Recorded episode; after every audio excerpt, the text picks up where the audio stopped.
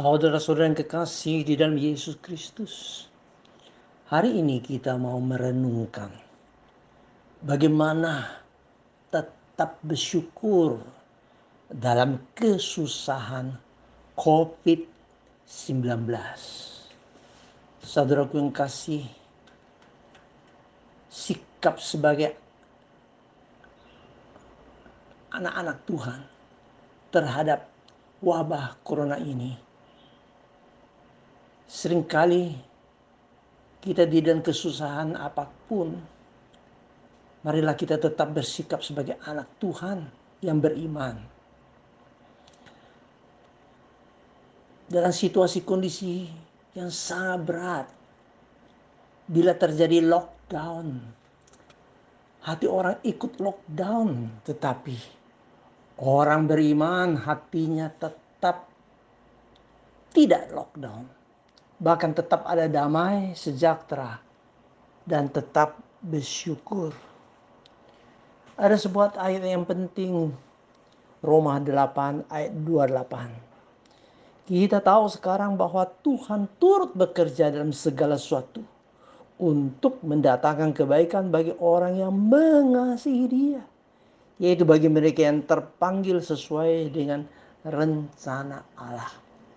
Saudaraku yang kasih, Mari saat ini kita coba berimajinasi tentang ada suatu percakapan Paulus dan Silas yang diderah dan dipenjarakan di kota Filipi.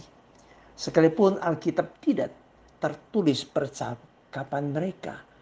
Tapi saudaraku yang kasih, kita bisa membayangkan Silas berkata kepada Rasul Paulus, Pak, di manakah Tuhan? Mengapa Tuhan membiarkan kita disiksa dan dipenjara? Bukankah Tuhan Yesus berjanji mau menyertai semua hambanya? Jawab Rasul Paulus, Oh rekanku Silas, janganlah kita bertanya sesuatu seperti orang yang tidak beriman. Kita harus yakin Tuhan tidak meninggalkan kita. Ia tetap beserta dengan kita. Silas berkata, berarti sekarang Tuhan Yesus juga berada di dalam penjara ini. Memang saya mau menangis, mau maki-maki, dan mau berteriak, oh Tuhan di manakah engkau? Sekarang saya mau meyakini bahwa Tuhan Yesus ada di sini Tuhan Yesus hadir. Tetapi kondisi kita sungguh-sungguh parah. Rasa sakit sekali. Karena bilur-bilur di tubuh dan juga rasa sakit di hati. Apalagi ada banyak kacua yang menjijikkan. Hati kita dipasung, tidak bisa tidur. Jawab Rasul Paulus, bila kita pakai perasaan duniawi, pasti mengeluh. Tapi bila kita beriman, kita pasti ada perasaan baru. Marilah kita dengan iman melihat Tuhan di sisi kita. Tuhan di tengah-tengah kita. Hati kita jangan ikut lockdown. Sekalipun fisik kita ada di penjara. Tapi hati kita ada di sorga bersama dengan Tuhan Silas berdoa, "Oh Tuhan, tolonglah aku bisa tetap percaya bahwa Tuhan ada." Dan tolonglah aku tetap dekat dengan Tuhan. Tolonglah aku tetap mengasihi Tuhan dalam kondisi apa pun. Amin. Sambut Rasul Paulus dan juga berdoa.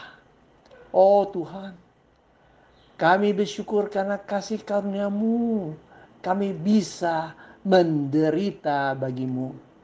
Sekalipun iblis mau membuat kami patah semangat, tapi Roh Kudus tetap mau membakar hati kami agar kami yang sudah ditempatkan di dalam penjara ini biar Injil bisa diberitakan di sini kini.